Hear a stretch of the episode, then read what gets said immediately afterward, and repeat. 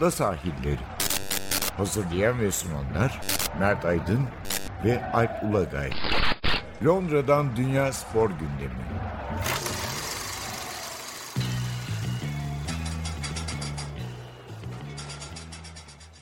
Ada sahillerinden merhabalar. Ben Alp Ulagay. Ben Mert Aydın. Bugün ada sahillerinin gündeminde ne var? Biraz elbette şampiyonun ilan edilmesiyle beraber City'den çok Pep Guardiola konuşacağız. İngiltere'deki 5. sezonunda 3. şampiyonluğunu kazandı ve 12 sezonluk kariyerinde de 9. lig şampiyonluğu. Hani diğer kupaları saymıyorum.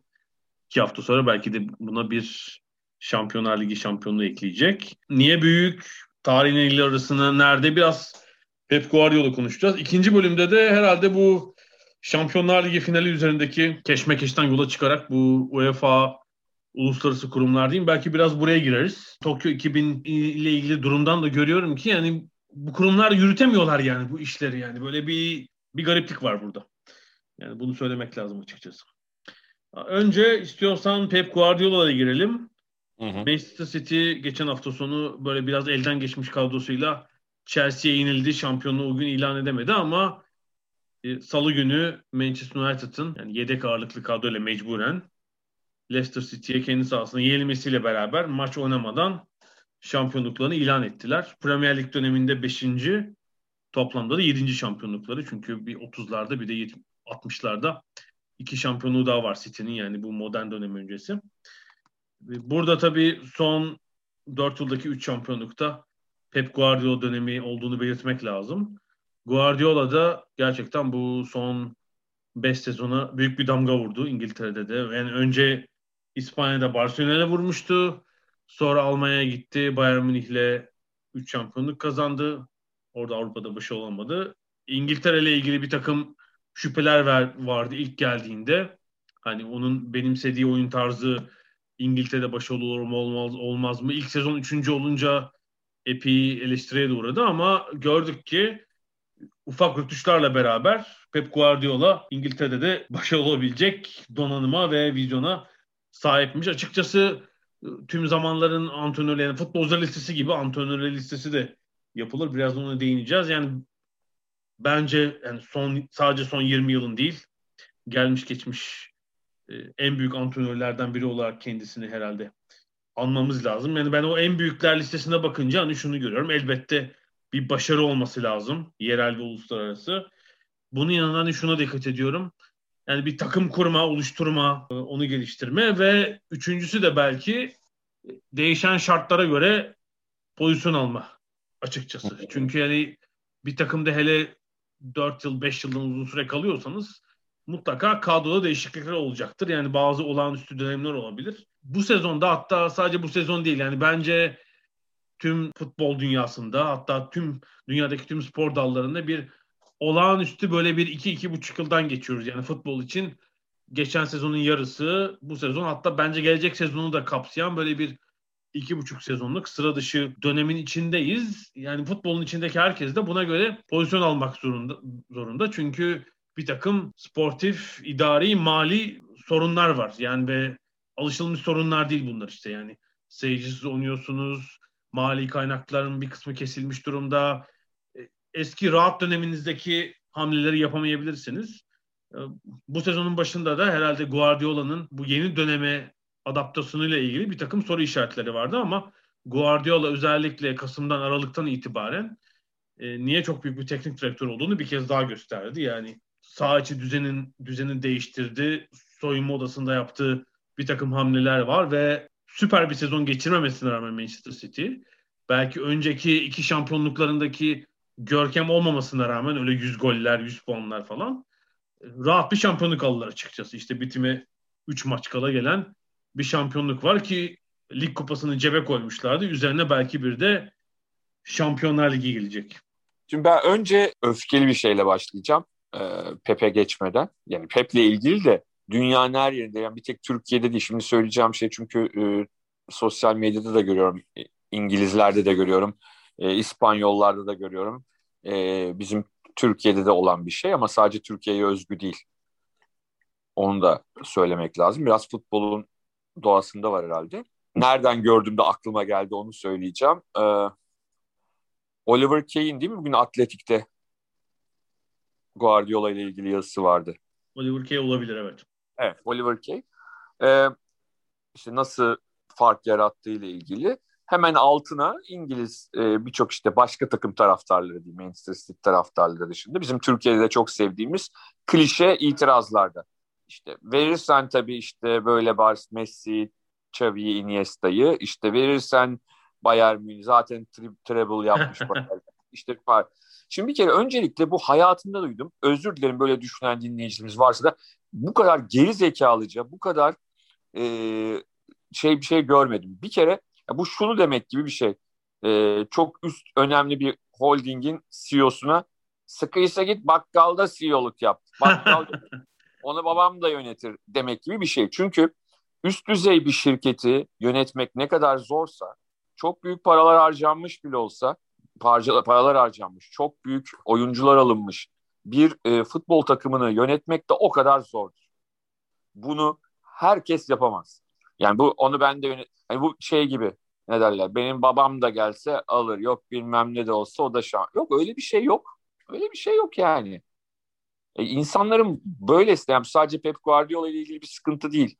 Yani Klopp yapınca da aynı saçma sapan şeyler geliyor. Başkaları yapınca da geliyor. Ya böyle bir şey olabilir mi? Ya Türkiye'de ama şurada haklısın mesela. Türkiye üzerinden çok sık yapılan üstelik Türkiye'deki maalesef Türk teknik direktörlerin yaptığı bir kıyaslama tabii, bu. İşte gelsin tabii. gelsin Anadolu takımı çalıştırsın falan Niye? gibi böyle saçma sapan. Hatta böyle bir mantık var mı? Şeye gideceksin. Tim Cook muydu Apple'ın CEO'su? Şimdi yanlış isimler söylemeyeyim. Evet. Hı hı. Tim Cook'a gideceksin şey diyeceksin. Gel sıkıysa işte Casper yap dünya devi. Yani böyle saçmalık olur mu ya? Böyle bir saçmalık olur mu? Böyle bir geri zekalıca bir şey olabilir mi yani? A- açıkçası çözemiyorum yani. Hani adama bir şey bulamayıp bunu demek kadar da saçma bir şey göremiyorum ben ya. Allah'ım ya Rabbim. Yani inanılacak gibi değil Alp. İnanılacak gibi değil. Yani bazen düşünüyorum. Bu kadar büyük bir saçmalık olabilir mi insanların? E, belki de futbola ya da spora gele, ge, gelebilecek e, en önemli bence dehalardan bir tanesi için böyle bir şey yapmak. Böyle saçma sapan. Abi niye gitsin oralara? Adam yani o üst düzeydeki takımı ona teslim ediyorlar. Başkasına değil. Ve de şöyle diyeyim ben sana. Barcelona'nın başına geldiğinde Barcelona'da başarısız olsa bir daha Bayern Münih'e oraya buraya gidebilir miydi? Şimdi Leganes'in hocasıydı yani. Tas tamam da öyle yani. Granada, Almeria falan dolaşıyordu yani. E dolaşıyordu. Dolaşıyordu. Dolaşan da birçok insan biliyoruz. Tata Martino da geldi bu Barcelona'nın başına. Tata Martino Bayern Münih'e gitmedi ondan sonra. Anlaşamamışlar mı? bu kısmı geçtim normale geliyorum. Hı hı. Bence Pep Guardiola'nın e, en önemli başarılarından bir tanesi e, ana felsefesini koruyarak yani sonuçta o pas oyununu koruyarak öyle söyleyelim. Ama aynı zamanda gittiği ülkenin ligine de uyum sağlayarak bu işi götürüyor olması, bu işi yapıyor olması. Bence bu önemli bir şey. Yani e, her teknik adamın başarabildiği bir şey değil. Mesela o anlamda ona çok yakın ben hep Ancelotti'yi görürüm. O anlamda hep. Ancelotti'den üstün yanı çok vardır Pep'in. O nedir? Pep aynı zamanda bir felsefe üreticisidir. Ancelotti öyle değildir. Onun biraz daha farklıdır. Ama Pep Guardiola başarıyla birlikte belirli bir oyun biçimini de devamlı olarak takımlarında oynatır ve o ligi de oynadığı lige de bunun uyum sağlamasını hangi lige giderse o lige uyum sağlar. Şimdi burada çok önemli e, şeyler var. Bazı teknik adamlar hani bahsettin ya işte tarihin en büyük hocaları şunlardır, X'tir, Y'dir, Z'dir. Burada önemli olan şudur. İki tip hoca vardır. Yani büyük hocalar arasında söylüyorum tabii. Bir sadece başarıya odaklı olanlar. Bunlar yani bunu suçlamak anlamında değil bence gayet de mantıklı bir şeydir. Bu adamlar kupa canavarıdır. Trapattoni'den tut Mourinho'ya kadar böyle bir sürü adam var. Ancelotti'ye kadar böyle bir sürü adam var. Bu adamların girsin şeylerimiz, dinleyicilerimiz Wikipedia'ya hani honors bölümü olur ya e, teknik adamlarla ilgili açsınlar. Orada yan yana 177 tane kupası bulunur hepsine. Ve de sonuna kadar hak etmişlerdir. Alex Ferguson da dahil. Bir de hem başarılı olup hem de aynı zamanda belirli bir futbol prensibini geliştirmeye çalışanlar vardır. Buna ben Klopp'u da sayarım. Guardiola'yı da sayarım. Cruyff bunların hani ağ babasıdır. Çünkü Cruyff aslında şöyle söyleyeyim çok daha muhafazakardır. Pep o kadar muhafazakar değil. Yani kendi e, oyun biçimi konusunda Cruyff çok muhafazakardır. Pep Guardiola daha esnektir. Belki e, Cruyff da e, Hollanda ve İspanya'dan sonra bir iki başka ligde hocalık yapmış olsa belki o da farklı biraz olabilecekti. Belki dönemler de farklı. Cruyff'un teknik adamlık yaptığı dönemde yabancı oyuncu sayısı sınırlıydı. Belki daha fazla yabancı oyuncusu olsa daha farklı bir oyuna geçmek zorunda kalabilirdi. Bilmiyorum ama sonuçta Pep Guardiola e, futbola kafa yoran, daha da geliştirmek için, oynadığı oyunu daha da geliştirmek için kafa yoran bir adam. Hatırlarsın bizim bu programımızda da çok e, konuştuğumuz bir hikayeydi bu. Birkaç hafta önce Şampiyonlar Ligi maçından sonra e, Lineker'in sorusuna verdiği işte kenar beklerini maç içinde e, ortaya doğru çektiği, çekmesi, bunu Alman liginde öğrendiğini ve Alman liginde öğrendikten sonra uygulamaya gerektiğinde uyguladığını anlatışını. Bu önemli bir şey. Gördüğünden öğrenmek, e, başka etkilerden yararlanmak. Bence bu çok çok önemli ve de Guardiola'nın sadece 50 yaşında olduğunu da söylemek lazım. Yani 12 yıldır diyorsun bak. 12 yıldır. Biz 47-48 yaşındaki hocalarımıza genç hoca diyoruz. yani, yani 2008'de başladı. 13 sezon işte 2012 başlamadı. Şöyle diyelim öncesinde B yani sonuçta Barcelona B takımı da yarışmacı bir takım bir şekilde. Ee, ben çıkmasına izin verilmiyor ama sonuçta resmi maç oynuyor. Hani 2008'den önce başladı aslında ama e, bir sezon bir sezon uzun 2020 evet. dersin. Evet, evet. Aslında ama Guardiola'nın bir tek zararı olduğunu düşünüyorum dünya futboluna. Bizim futbolumuza da. O zararı da her futbolu bırakıp kendi kulübüne gelen antrenör adayının hemen acayip başarılı olup işte dünyayı, Avrupa'yı, ülkeyi fethedeceği yanılgısı.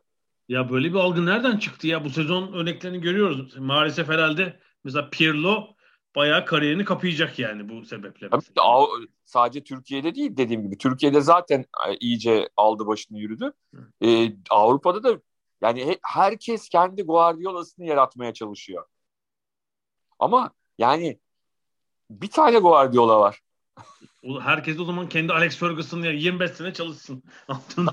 yani şöyle şöyle düşün. Şimdi mesela Carlo Ancelotti diyoruz değil mi? Adamın e, şampiyonlar, iki, üç tane şampiyonlar ligi şampiyonluğu var. Değişik Hı. ülkelerde bir sürü şampiyonluğu var. Geldiğinde diyoruz tecrübesi var, şudur var. Ama o adam bile hani Milan'ın büyük yıldızıyken yani futbolu bıraktıktan sonra şey olmadı yani Milan tarafından gel abi gel gel hemen başına geç demediler. Önce bir Parma'ya gitti. Sonra düşün Juventus'a gitti yani. Ya, e, milli takımda Sakki'nin yardımcısıydı. Parma var, Juventus var. Üzerine ancak Milan'a geldi düşün. Tabii. Yani e, bu işler öyle e, çok basit değil. Yani Guardiola çok ekstrem bir örnek. Yani Guardiola çok ekstrem bir örnek. Herkesin öyle olmasını beklemek, her, herkesin öyle olmasını e, olacağını düşünmek yanlış. Şu günlerde çok sevdiğim bir şey var, e, haber var. E, şeyde ne derler, sosyal medyada arkadaşlar görüntülerini falan da e, koyuyorlar. Emir Ateş Dağlı falan birçok İtalya'yı takip edenler. Bu ünlü İtalyan futbolcuların kurs görüntüleri. Coverciano'da herhalde değil mi? Evet. Evet, evet. Mesela, mesela Almanlar o konuda inanılmaz başarılılar. e, İtalyanlar için de mantıklı. Yani İtalyanların da meşhur işte Mancini'nin e, tezi var yani tez yazmak zorunda kalmış adam orada hani bir akademiden çıkabilmek için. Hı hı. Yani hem teorik hem pratik e, bilgileri almak lazım. Yani tekrar söyleyeyim Pep Guardiola örneği her dakika karşımıza çıkabilecek geçerli bir örnek değil. Onun tekrar e, belirtmek istiyorum. Kötü örnek oldu. Belki de kötü örnek olduğu tek şey. Yani işte bu sezon bu sezon gördüğümüz örneklerden Chelsea'de Frank Lampard başarısız oldu. Yarım sezonda görevinden alındı. Juventus'ta Pirlo berbat bir sezon geçiriyor. Hani Juventus'un son 10 yıldaki en kötü sezonu. Ya mesela şunu düşün. Juventus'ta Conte, Juventus'ta kaç yıl oynadı? Yıllarca oynadı değil mi? Yani Juventus'un en önemli oyuncularından biriydi. Orta sahada çalışkan işte. Juventus'a mı geldi hemen? Daha alt takımlarda başarılı oldu. Ondan sonra yükselişe, ondan sonra kendi kanıtladı, tecrübe kazandı. Onu da bir şekilde söylemiş oldum. Guardiola'nın e, kötü örnek olduğunu o anlamda insanların her herkesten aynı başarıyı beklediğini görüyoruz. Bu da doğru bir şey değil. Tekrar belirtmek gerekirse. Ve Pepe dönecek olursak bunun yanında, bütün bunların yanında e, Pep Guardiola şunun da örneklerinden biri oldu. İyi örneklerden bir tanesi oldu. İlle işler kötü gidince, ille e, bir sorun olunca hep birilerine sataşmak, hep birileriyle kavga etmek. Ya böyle bir şey gerek yok hayatta. Yani rakip takımdan iyi bahsederek, rakip hocadan iyi bahsederek de e, hayat devam edebiliyor yani. Bir, e, böyle bir taktik yapmanıza da gerek yok. Açıkçası e, yani Mourinho'nun bir tek Real Madrid Barcelona döneminde Mourinho'yla çok fazla tartışmalara girdiğini görüyoruz. Onun dışında genelde daha dostça ve arkadaşça geçiyor diğer teknik adamlarla sohbetleri ve şeyleri. Zaman zaman iğnelemeler olabilir ama hiçbir zaman e, öbür türlü kavganın dövüşünde içine girmediğinin e, altını çizmek gerekiyor. E, ve de şunu da ekleyerek bitireyim. En önemlisi sahip olduğu felsefenin ya da savunucusu olduğu felsefenin daha da ileri gitmesi, daha da kafasındaki hani o onun kafasında Cruyff'un aslında kafasından çıkan şeyler işte hani neredeyse kalecinin bile rakip yarı alanda oyuna katıldığı. Belki bir gün bunlar olacak. O fizik kaliteye e, insanoğlunun ulaşabileceği bir takım nasıl diyelim bilimsel gelişmeler de olacak. Ama bunun için bu adam günlerce kafa yoruyor arka, e, şeylerle antrenör ekibiyle e, bir, bir çaba sarf ediyor. Bunu, bunlara çok büyük saygı duymak gerektiğini düşünüyorum. Yani bunlara saygı duymalıyız.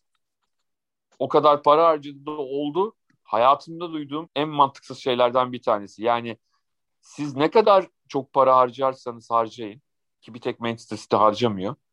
E, hepsi harcıyor. Eğer siz o takıma doğru oyun oynatamıyorsanız, siz o takımın oyunu doğru planlayamıyorsanız ve de en önemlisi o takımın oyuncularının yönetimini sağ doğru şekilde sağlayamıyorsanız o paraların hepsi boşa gider, sizin de işiniz biter. Çok fazla örneği var. Çok fazla örneği var. Evet o tabii Manchester City ile ilgili eleştiri şundan oluyor. İşte çok para döktünüz, müthiş para harcadınız. Bu başarı ondan geldi diye. Yani mevcut duruma bakıldığında da şu anki kadrolara en fazla para harcamış kadro City gibi gözüküyor ama mesela Manchester United'ın harcadığı para da son 7-8 yılda hiç az değil. E bunun karşılığında bir lig şampiyonlukları bile yok.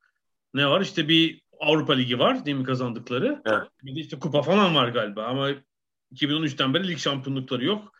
City'nin o tarihten beri dördüncü şampiyonluğu. Bir de öncesinde var tabii. E, Pep Guardiola bu modern özellikle son 20 yılda bu özellikle Şampiyonlar Ligi ve 5 büyük lig süper takımlar üzerinde dönen dönemin tam bir modern temsilcisi modern teknik direktör aslında. Yani kendi ülkesinde kalmayı tercih etmemiş. Birçok dil konuşabilen hani ikinci tecrübesi e, Almanya'da olan üzerine İngiltere'ye giden işte e, muhtemelen Katalanca, İspanyolca, Almanca İngilizce konuşuyor. Bilmiyorum başka dil. Hani Fransızca falan da biliyor mu? Bir sürü dil konuşuyor ve gittiği ülkelerin kültürüne de uyum sağlamak hatta yaşadığı şehre uyum sağlamak için inanılmaz çaba gösteren, e, özen gö buna özen gösteren bir teknik direktör aynı zamanda. E, bu tabii şampiyonluktan sonra Britanya basını yazılar hazırlamış. E, The Times'ta Paul Hurst'le Paul Balus'un bir yazısı vardı. Mesela bu pandemi döneminde spor yapamaktan sıkıldığı için çünkü Manchester civarındaki golf tesisleri de kapanmış. Hı. O da antrenman tesisine bisikletle gitmeye karar vermiş. Ve işte herhalde sezon başından beri kaskını maskesini takıp biraz da tanınmamak için 20-25 dakikalık bir bisiklet sürüşüyle şeye gidiyor antrenman tesislerine şehir merkezinden. Ona adet edilmiş mesela madem golf oynamıyorum böyle bir şey yapalım e, şeklinde bir yeni hobisi var Guardiola'nın. Bir yandan da e, sadece oynattığı futbolun bence hani her gittiği takımda göze hoş gelen futbol oynamasının yanı sıra gittiği takımlardaki oyuncuların kariyerine de hı. yaptığı katkıdan bahsetmemiz lazım. Herhalde şu andaki Manchester City takımına baksak birçok oyuncu geldiklerinden çok daha ileri noktadalar. Yani Guardiola çalışmaya başladıklarından beri yani De Bruyne olsun, İlkay olsun, Sterling, Foden değil mi? Herhalde hepsini e, Tabii. saymamız Stop. lazım bu oyuncuların kariyerini yaptığı katkı. Hani bazıları zaten hani zirvedeydi Guardiola geldiğinde işte Agüero belki buna sayılabilir. Fernandinho zaten çok tecrübeli bir oyuncuydu ama daha genç ya da e, Stones iyi yaştaki oyuncular Stones bu sezon tekrar yaptığı aşamayla Zinchenko kariyerine çok ciddi bir e, katkıda bulundu açıkçası ve dediğim gibi bu sezon farklı bir şey yapmak lazımdı. O esnekliği gösterdi. Bazen çünkü teknik direktörler kariyer kariyer geçmişlerine takılıyorlar. O esnekliği göstermekte gecikiyorlar ya da gösteremiyorlar gerçekten. Hani benim kendi işlemiş yöntemlerim var. Onlara uyalım, çok sıkı sıkıya bağlı kalalım diye ama işte onu gösterdi Kasım'dan sonra. Elbette ekibinden de yardım olarak yeni bir yardımcısı var çünkü geçen seneden beri. Daha doğrusu Juan Malilo yani birinci yardımcısı Juan Malilo ile o antrenörken Guardiola futbolcuydu beraber çalışmışlardı. Onun da katkısıyla bu aşamayı yaptı. Ee, The Independent'tan Mike Chrisley e, güzel bir benzetme yapmış. Covid Ball demiş. bu sezon takımın benimsediği oyun için Covid Ball. Mark'la ben de herhalde Ocak ayında bir röportaj yapmıştım. Ee, o zaman şey demişti yani bence hem ligi hem Şampiyonlar Ligi'ni kazanacaklar demişti. İyi bir tahmin etmiş gerçekten herhalde ocağın ortasında yani City lider olmuş ya da olmak üzereydi. O zaman yaptığımız bir röportajdı. İyi bir öngörüymüş gerçekten yani. Birini aldılar, birinin de işindeler. Ama Pep Guardiola'nın bu sezonki bu şampiyonlukla hele üzerine Şampiyonlar Ligi'ne eklerse biraz daha büyüdüğünü belirtmemiz lazım. Bir istiyorsan bu bölümü şeyle kapatalım. Programı... Bir şarkı. evet bir şarkıyla kapatalım. Gönlümün efendisi Pep falan diye. ee, Frans Futbol 2 sene önce 2019 Mart'ında tarihin en büyük 50 antrenörü diye bir liste yapmıştı o zaman. Dediğim gibi 2018-2019 sezonun ortasında yani pandemi yok. O sezonun Şampiyonlar Ligi finali oynanmamış henüz. Halbuki harcamışlar konuyu. Şimdi pandemi varken daha ne güzel o harcam. Severler. Fransızlar bu listeleri yapmayı çok severler. Evet. Ee, ilk onu şöyle hatırlatıyorum. Rinus Michels, Alex Ferguson, Arrigo Sacchi, Johan Cruyff, Pep Guardiola 5. Val Valer Lobanovski, Helenio Herrera, Carlo Ancelotti, Ernst Happel ve Bill Shankly. İlk on böyle. Yani Karma herhalde iki İskoç var. Geri kalanlar iki Hollandalı var bu arada. İyi bir dağılım aslında. Jurgen Klopp 27. burada. Çünkü henüz Şampiyonlar Ligi'ni kazanmamış. Geçen sezonki lig şampiyonluğu yok. Belki yani şimdi yapılsa liste Klopp'u belki ilk 20'de falan göreceğiz. Daha yukarılarda göreceğiz. Bir, bu listeyle ilgili bir yorumun var mı? Ya bu tip listeler yorumu çok zor. Şu anlamda da zor. Ya ben e, oradaki adamların hepsi çok saygıdeğer. Yani kimi bire koysan olur bence de. Yani orada e, yani kupa mı yanına işte felsefe şudur budur birçok şey ekliyorsun. Çok tabii subjektif bir sürü konu var. Hani kupalar subjektif değil ama oraya neyi büyük sayacağız, dönemine göre hangi kupa daha önemli. E, o kadar karışık şeyler var ki o yüzden hani hangi sıra olursa olsun saygı duyuyorum. Yani ben orada hani kim bir olur, iki olur bilemeyeceğim açıkçası. Bu Çok tabii şey sadece kulüp, kulüplerde aldıkları yani milli takım antrenörleri yok burada ya da milli takım kariyerleri dikkate alınmadan yapılmış bir liste. Fransız onu belirtmiş yani. Hı hı hı. Kulüp, kulüp başarıları ya da kulüplerin kulüp futbolunda bıraktıkları iz üzerine yapılmış bir liste. Yani bakınca... Mourinho kaçıncı orada? E, 13. Zidane? 22. 22. Klopp dediğim gibi Klopp 27 ama 2019'un Mart'ında yapıldığını hani Şampiyonlar Ligi ve geçen sezonki Premier Lig başarılarının olmadığını atlatalım. Bu arada e, Türkiye'den yolu geçmiş. Yani bu yeni bir liste değil ama 29. sırada Gus Hiddink var. Yolu Türkiye'den geçmiş. 33. sırada Vicente Del Bosque. 41. sırada Mircea Lucescu. 42. sırada Tomislav Ivic. 44. sırada Luis Aragones. E, 45'te Frank Rijkaard yani yolu Türkiye'den geçmiş 6 teknik direktör de var. Pek anlamazlardı futboldan ama. Tepli bölümü bitiriyor muyuz? Tepli tamam bitirelim. Tepli bölümü bitirelim. Biraz ara verdikten sonra birazdan da Şampiyonlar Ligi finalini ve UEFA'nın durumunu konuşacağız.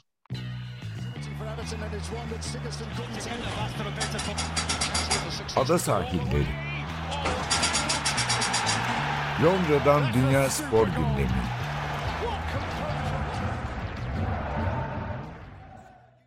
Ada sahiline devam ediyoruz. Şimdi bu Şampiyonlar Ligi finalini konuşalım biraz.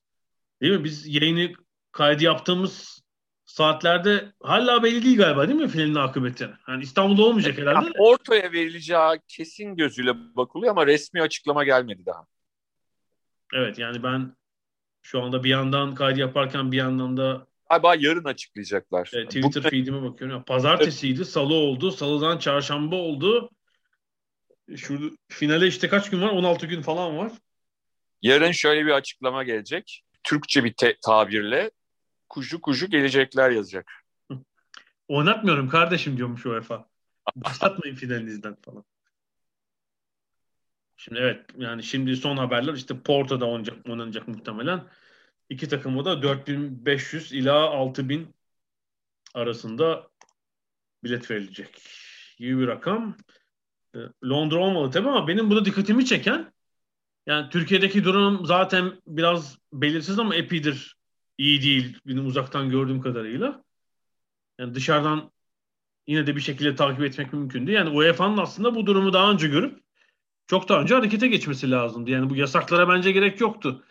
Ee, İstanbul'a gelecek seyirci sayısında seyahatte falan sıkıntı olacağı bence bu son iki haftanın olayı değil. Yani çok daha önceden belliydi. Yani yarı finalde iki İngiliz takımı birbiriyle eşleşmeyince ben problemin büyük olacağını açıkçası tahmin etmiştim. Yani bence ondan önce de görmek lazımdı. Yani bu Avrupa Süper Ligi işinde de gördük. Evet. Şimdi UEFA dava açmaya falan hızlanıyormuş. Yani başına bela alacak şimdi. Yani Hı-hı. Avrupa Birliği'nin kurumlarına falan giderse UEFA'nın aleyhine kadar çıkar oradan yani. Rekabetle ilgili konuda. Yani... Evet yani dediğin gibi e, bu şey konusunda iyi yürütemediler. E, ellerini yüzlerine bulaştırdılar. E, finansal fair play meselesinde. E, ciddi şekilde o öyle bir sıkıntı var. Bence yani Avrupa Süper Ligi meselesinin de bu kadar büyümesinin ilk etapta nedeni bu. Yani e, sen de biliyorsun hani yıllardır bunun tehdidini yapıyorlar. Hı hı. Ama e,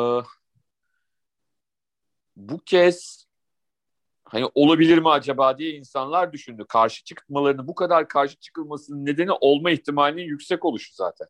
Yani olabilecek olmasının e, ihtimalinin yüksek oluşu. Bundan 20 yıl önce bu kadar büyük bir ihtimal değildi. İnsanlar aralarında konuştuklarını ya böyle saçma şey olur mu? İzin vermez UEFA deniyordu. Şimdi başka sorunlar var. E, bu da iyi yönetilmemekten kaynaklanıyor yani çok açık ve net bir şekilde. Ee, geçen gün Peter Kenyon hatırlarsın Manchester United'ın eski CEO'su sonra da Chelsea'ye geçmiş. Evet, evet. O The Athletic'in podcastlerinden birine çıktı. Ya 90'ların sonunda dedi biz hiç hiçbir sözümüz yoktu bile UEFA'da dedi. Yani doğrudan UEFA federasyonlarla hallediyordu dedi Hı hı. bu işi. Birçok işi yani. Yayın ihaleleri falan. Hiç sözümüz yoktu dedi. Tabii zaman içinde işte biraz iç- büyük kulüpler işin içine dahil olmaya başladılar. Hani yani yönetişim modelinde de tabii sıkıntı var. Yani UEFA'da muhtemelen biraz modernize etmiştir kendisini ama biraz çok eski yani Hani 30 yıl öncenin yöntemleriyle bu işi götürmeye çalışıyor. Olmuyor. Fi- Mesela bu Euro meselesinde de tabii eski yönetimin bıraktığı bir bomba var kucakta. 12, Tabii. 12 ülkedeki Avrupa şampiyonası. Yani skandal bir durum aslında. Bakıldığında yani. Evet. Yani tabii Yani- ki e, eski yönetim pandemiyi öngöremezdi ama e, yine de Pandemi olmasa da zor. zor bir iş tabii yani. Tabii ya, ta Azerbaycan'dan Tabii yani Avrupa Birliği ülkesi var, olmayanı var. Türkiye'nin durumu başka, Azerbaycan bambaşka, Rusya öyle. Vizesi, seyahati yani Türkiye'nin grubunda e, Bakü ve Roma değil mi ev sahibi şehirler? Evet. Yani aralarda kaç kilometre var? Doğru tabii ki. Ya bir de şöyle bir şey var.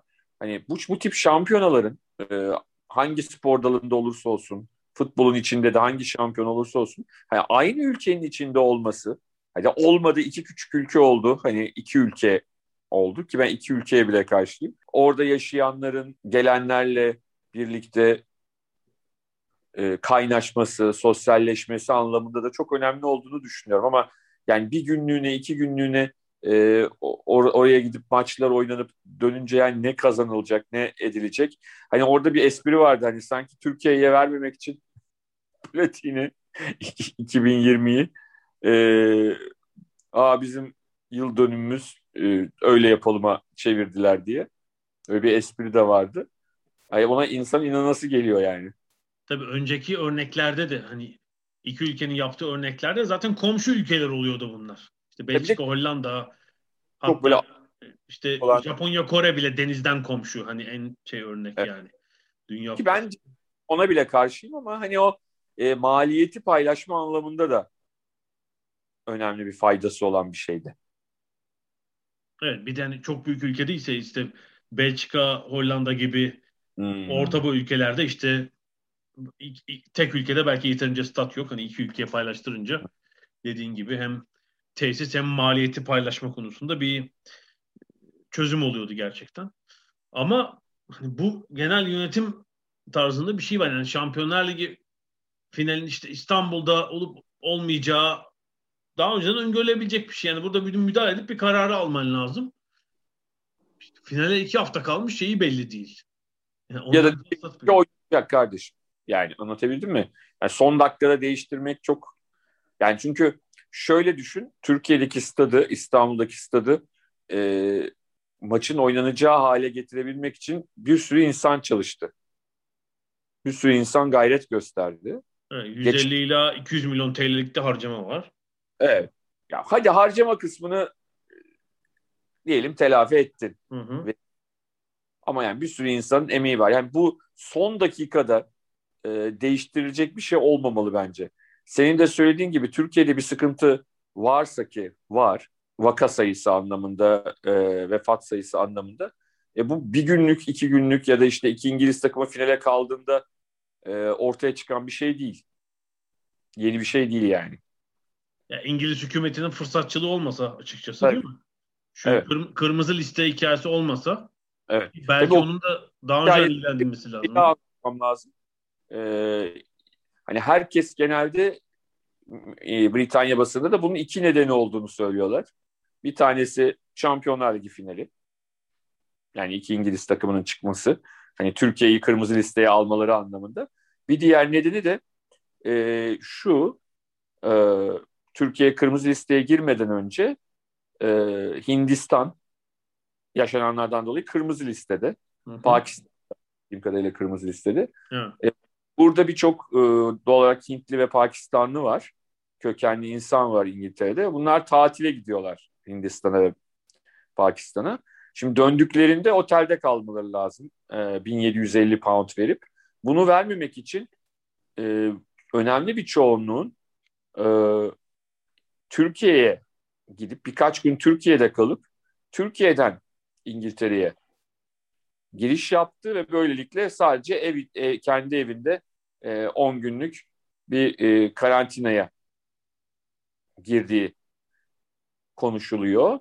Yani E, bu- resmi tarif Belki- eden, resmi tarifi Evet. olan 1750 poundluk otel faturasını vermek yerine onun belki üçte birinin yarısını ödeyip Türkiye'de bir tatil yapıp Tabii, üzerine tabii. de otelde kalmadan evine gitmek şeklinde Evet. bir bypass uygula- uygulanıyordu açıkçası birkaç ay. Yani ikisinin sadece Şampiyonlar Ligi değil ama sadece Hindistan-Pakistan meselesi de değil. İkisini birlikte e, düşünerek Britanya hükümetinin böyle bir karar aldığı söyleniyor. E, ama tekrar söyleyeyim hani Türkiye'nin normal şartlarda kırmızı listeye diğer e, rakamlarla karşılaştırdığımızda diğer ülkelerin daha önce girmesi gerekiyordu ama girmedi. Bu nedenle giriyor olması asıl acayip olan kısmı. Yani kırmızı listeye girmesi değil Türkiye'nin ama bu şekilde girmesi acayip Ee, ve biraz nasıl diyeyim insanları sinirlendiren bir olay. Ve de bununla hemen anında UEFA'nın e, ya ne yapalım ya hemen değiştirelim'e geçmesi. Ama tabii İngilizlerin beklentisi Londra'da oynanmasıydı. Ya da en kötü İngiltere'de bir yerde oynanmasıydı ama anlaşılan o ki e, UEFA buna pek sıcak bakmadı. Evet, çünkü çok fazla sayıda kişi için e, ayrıcalık istemişler. Yani İsviçre'de sanıyorum bir kırmızı liste değil de mor ne liste o? Bir mor, mor liste mi? Bir başka listede ve İsviçre'den gelenlerin de karantinaya girmesi lazım. E, UEFA'nın merkezi İsviçre'de davetliler var falan. Yaklaşık 2000 kişi için istisna istemiş UEFA. İngiltere bunu kabul etmemiş. Yani demiş sadece hani sporcular dışında hani çekirdek kadro için ben bir istisna veririm. Belki yönetim kurulu olabilir ve de hani e, organizasyon için özel gelecek olan birkaç kişi. E, ama yani VIP, VIP davetliler şudur budur e, herkes için ver 2000 kişi için vermem demiş. Onun üzerine herhalde anlaşılamadı ve final İngiltere'de olmayacak gibi gözüküyor son dakikada bir sürpriz olmazsa. Tıpkı geçen sene olduğu gibi. Portekiz'de geçen sene seyirci var mıydı ya hiç? Yoktu. Yok. Yoktu. Bu sene az seyircili işte. Kısmi seyircili bir Şampiyonlar Ligi finali olacak. Yani herhalde İstanbul'un bir hakkı olacaktır yine. Muhtemelen yani bir yine takas meselesi olacak işte. Seneye ya da 2023'te İstanbul belki bir finale ev sahipliği yapacak ama işte tam bence iki sene sonrası daha iyi. Yani gelecek sezondan da emin olamıyorum şimdi. Bir sene Evet. sonrasında. Ya açıkçası ben de emin olamıyorum. e tabii 2023'ün bir de şey gibi bir anlamı var ya Cumhuriyet'in 100. yılı. Hı hı hı hı. Yani bunun simgelenmesi anlamında öyle bir av- e, avantajı olabilir ama tabii şimdi iki sene üst üste final gidince bu sefer doğal olarak insanlarda şüpheler oluştu. Ama hepsinden kötüsü e, İngiltere'nin kararının hemen ardından çok da gerekli olmayan bir şekilde Türkiye Futbol Federasyonu Başkanı kuzu kuzu gelecekler diye bir açıklama yapınca e, hani şöyle söyleyeyim Türkiye Futbol Federasyonu günah olmayan bir konuda anlamsızca kendini ateşe atmış oldu. E Yani bu görüşmeyle müzakereyle halledilecek bir konu. Böyle iddialaşmaya hani posta koymak Türkiye içindeki futbol futboldaki söylemi biliyoruz ama bu hani uluslararası ilişkilerde geçerli değil tabii bu söylem yani. Tabii, posta tabii. koyma söylemi. Yani bu müzakere edeceksiniz. Diyeceksiniz ki hani işte belki masraflarımız var bu konuda bir yardım edin. Şu tarihle takas edelim. Biz tekrar organize edelim falan. E, mutlaka bir ortak sonuca zaten varılacaktır herhalde de. Evet. Öyle bir iddialaşmaya açıkçası gerek yoktu. Bir de zaten şey olacak yani. 75 bin seyirci beklerken işte 25 bin ama bunun da sadece e, 8-9 bini yabancı seyirci olacak şekilde bir maç tatsız tutsuz olacaktı açıkçası. Belki de doğru karar şey için. Tabii bu uluslararası kurumların bu işte bu konulardaki basiretsizliği ve özellikle bu kritik konulardaki yani bir şey de eksik tabii. Bu kurumlarda bir ciddi liderlik de yok. Yani UEFA'nın başında işte değil mi? Hiçbir, hiçbir referansı olmayan bu başkanlıktan önce hatta bu konuda hakkında iddialar, şaibeler bulunan bir isim. Alexander Seferin yani. İşte. Slovenya'da bilmem ne kulübünde yöneticilik yapmış da falan gayet muallakta e, bir konu. E, benzer bir konu Uluslararası Olimpiyat Komitesi ile ilgili var. Yani olimpiyatlara kaç gün kaldı? Evet. Evet. E, 7 hafta mı var? Ne kadar var?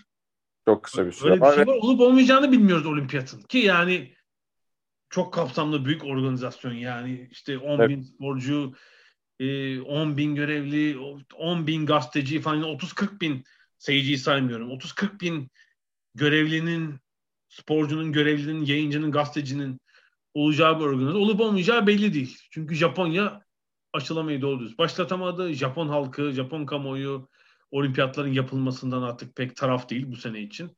Hatta yani iptal, iptal taraf değiller. Bunu sadece ekonomik açıdan düşünmeyelim.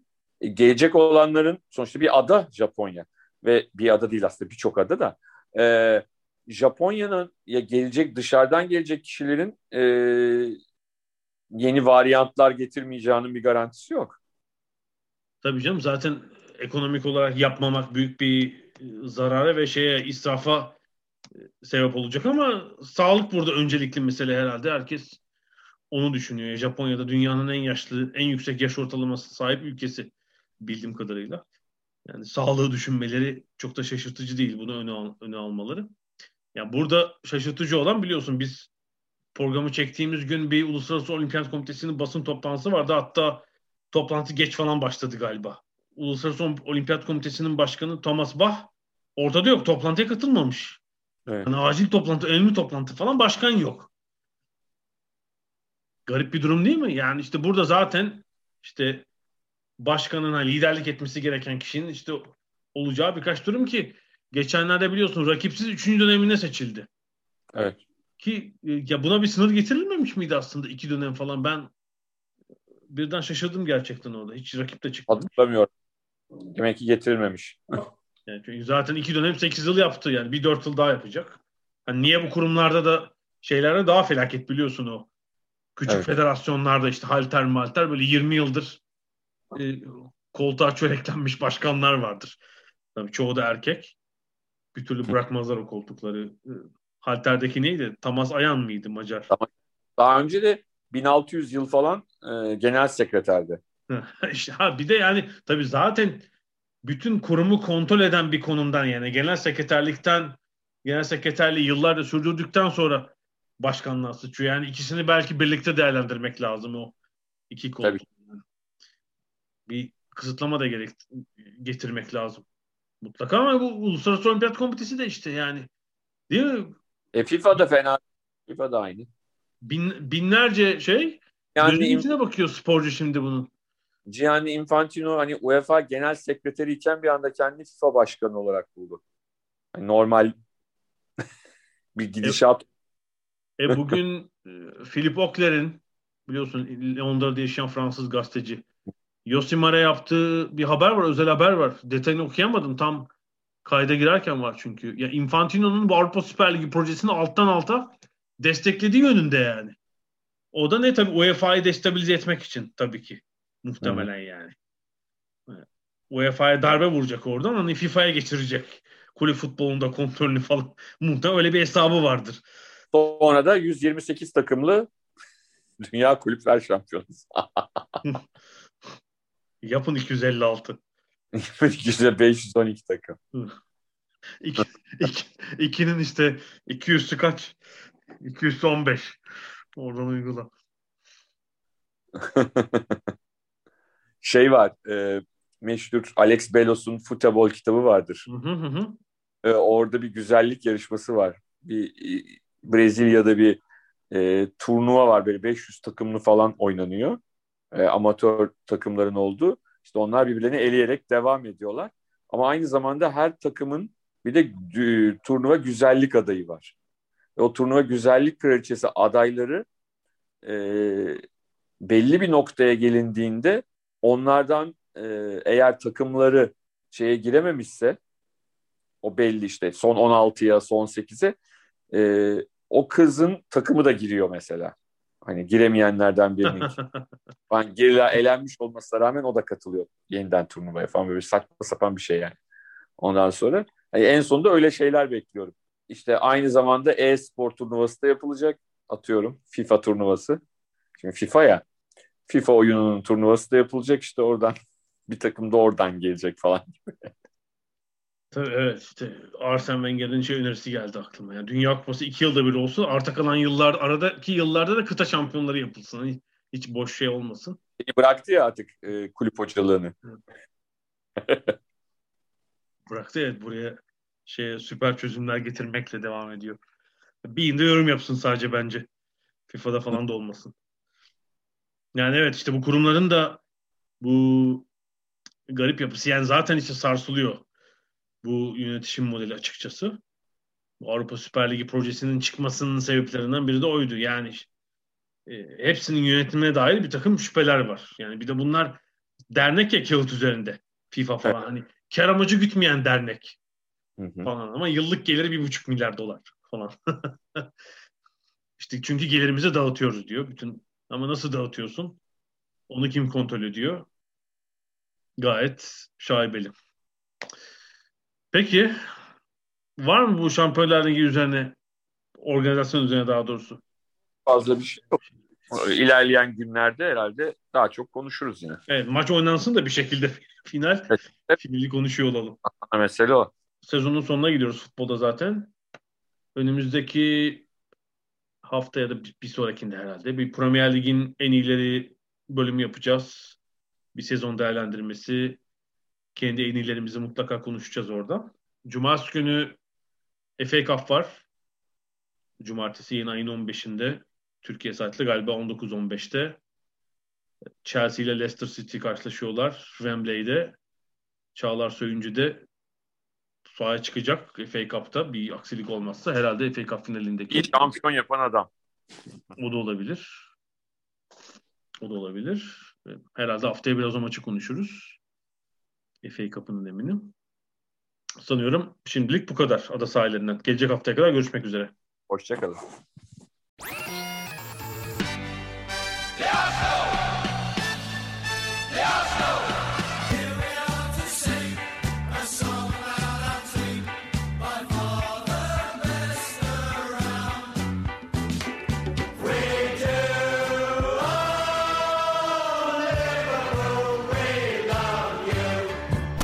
Ada sahilleri.